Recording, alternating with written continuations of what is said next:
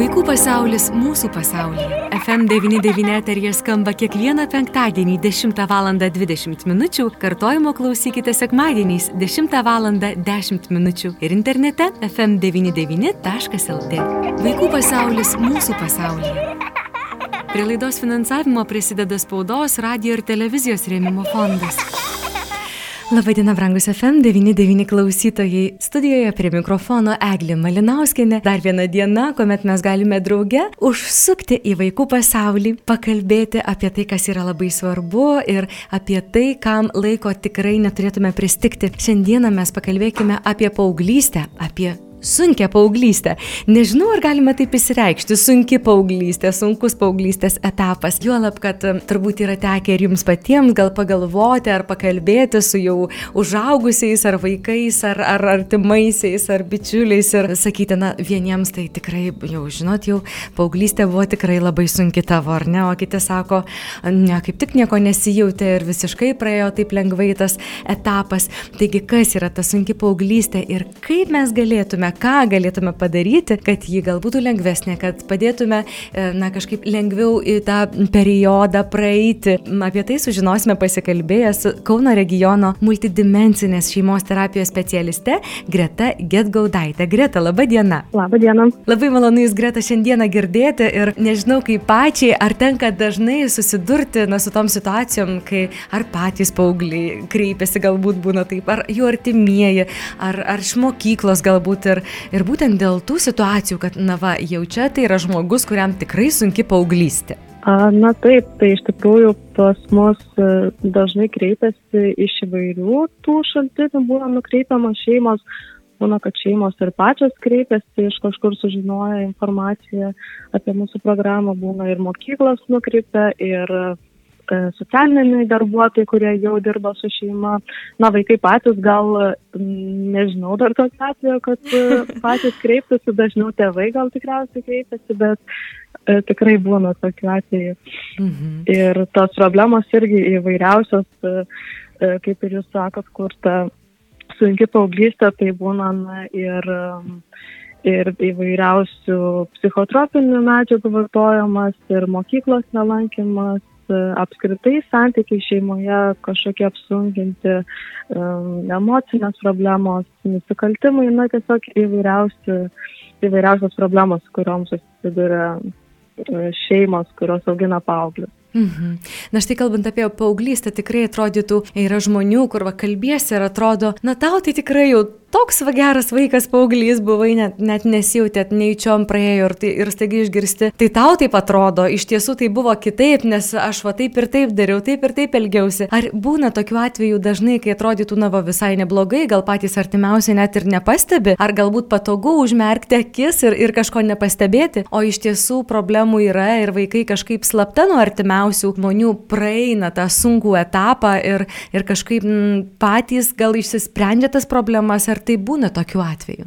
Na, pas mus e, tos, kur kreipiasi šeimos, tai jau tikriausiai tokios, kur jau pastebamos yra tos problemos, kur e, jau vienaip ar kitaip jos iškyla į paviršių ir kelia kažkokius problemų, sunkumų. Tarkim, na, jeigu nebelanko mokyklos paauglys, tai jau akivaizdu, kad e, kad tai yra problema ir įvairios institucijos pradeda dirbti su juo. Na, o taip aišku, kad visiems būna visaip ir tų šeimų būna įvairiausių ir vaikų būna įvairiausių ir kai kurie be abejo ir patys tas problemas kažkaip įsisprendžia ir jos taip tiesiog praeina arba tiesiog išauga iš tų problemų, kaip mes sakom. E, na, bet tos šeimos, su, su kuriuom mes dirbam, tai jau um, taip lengvai nepavyksta patiems, dėl to kreipiasi po, papildomas pagalbos į mus.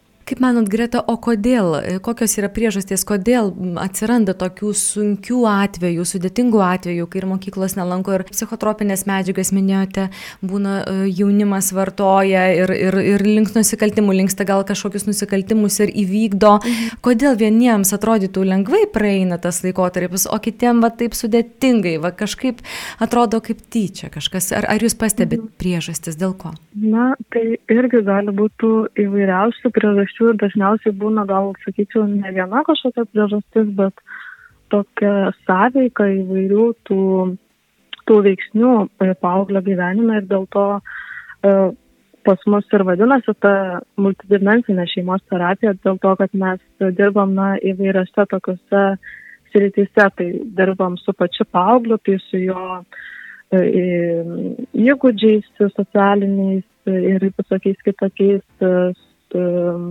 padedam jam save išreikšti geriau, taip pat dirbam su tėvais, tai tėvų mm, įgūdžius e, siekiam pagerinti, kaip jie moka auklėti vaikus, kaip jie tvarkosi su viskuo. Kai, e, taip pat dirbam bendrai su visa šeima, tai daug dėmesio kreipiam į šeimos santykius tarpusavio ir taip pat e, su artimiausia aplinka, tai ar tai būtų mokykla, ar draugai, ar, ar dar kažkas. Tai mūsų, iš mūsų programos tas požiūris yra, kad dažniausiai priežastis yra kompleksinės, labai įvairios, viena kita veikia įvairiai ir dėl to mes e, taip ir stengiamės dirbti su labai plačiai žiūrim ir atnarplioti, stengiamės atnarplioti tas priežastis ir uh, ir kažkaip po truputį, po truputį spręsti tos problemas. Mhm. Multidimensinė šeimos terapija, tai tikrai atrodytų, nėra dar taip plačiai apie ją žinoma, tai yra pakankamai nauja terapija Lietuvoje, ar ne? E, taip, tai Lietuvoje tai kažkur apie metai, virš metų dabar jinai yra taikoma, e, nors šiaip jau e, JAV, kai buvo sukurta jau pakankamai senai, 85 metais, E,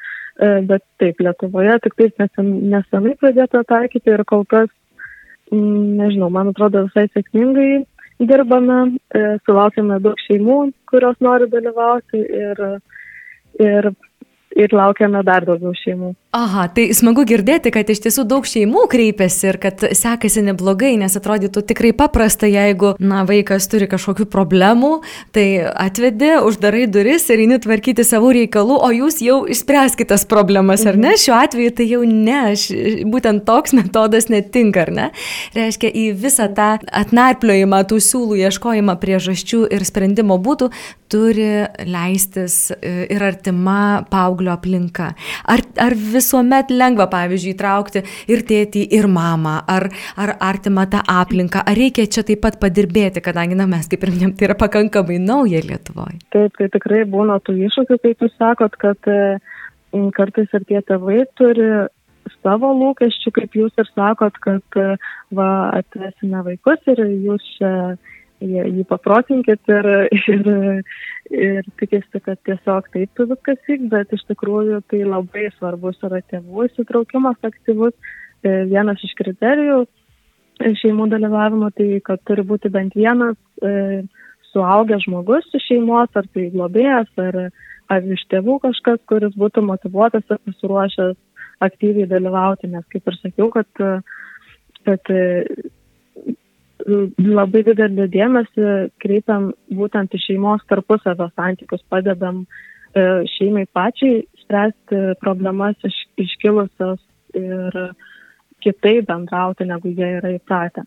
Iš tiesų norėtųsi taip kitą kartą gal ir galvoti, kad kaip būtų gerai va tas toks burbulas, ar ne? Vaikai, šeima, viską, na, išlyginė, apglosti, išsprendė problemas ir, ir va taip ir išsisprendžia, bet iš tiesų negalima užsidaryti tam burbulėlyje, net ir jeigu viskas gerai, e, išeina vaikas į pasaulį ir niekaip nesustabdys ir susiduria su įvairiais iššūkiais ir kartais ir problemomis ir, ir įvairiais tokiais dalykais ir mokykloje, kieme, gatvėje, kur yra draugai, kur yra nedraugai draugai ir panašiai. Ar į šią multidimensinės šeimos terapiją įtraukiami, sakykime, ir mokyklos kažkaip bendruomenė, ar jie įsitraukia, bičiuliai, artimi, kažkokie, jau kalbu ne apie giminystės ryšius, ar tai yra vis dėlto daugiau šeima, būtent kraujo giminė, ar globėjai, globotojai, tai daugiau ties šeimo orientuojatės? Taip, daugiausiai orientuojamės į šeimą, bet tikrai atsižvelgiant į kiekvienos šeimos, kiekvieno paauglio poreikius, tai tikrai būna tokių atvejų, kada įtraukiam į,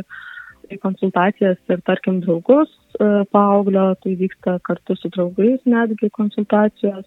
Taip pat ir kartais būna labai stipri problema su mokykla, tai ir su mokyklos darbuotojais e, būna daug dirbama, tai kiekvienas atvejis yra unikalus, individualus ir uh, E, labai stengiamės prisitaikyti prie kiekvienos šeimos poreikių ir tikrai būna mm, įvairiausiai vyksta tos, ta programa, labai įvairiai atrodytų, kad e, kalbam apie tokias terapijas, kur ko gero, kad kokiam Vilniui ir Kaune ir, na, gal dar Klaipėdoj, o jau mažesni miestai, miesteliai, turbūt dar, dar tik tos naujovės atkeliaus, bet tikrai galim pasidžiaugti, kad Alitus irgi yra tas miestas, kuriame taip pat yra taikoma multidimensinė šeimos terapija, tai aš tikrai labai kvieščiau klausytojus pasidomėti, sudalyvauti, juolab, kad daug yra sprendimų, tokių pozityvių, gerų pavyzdžių.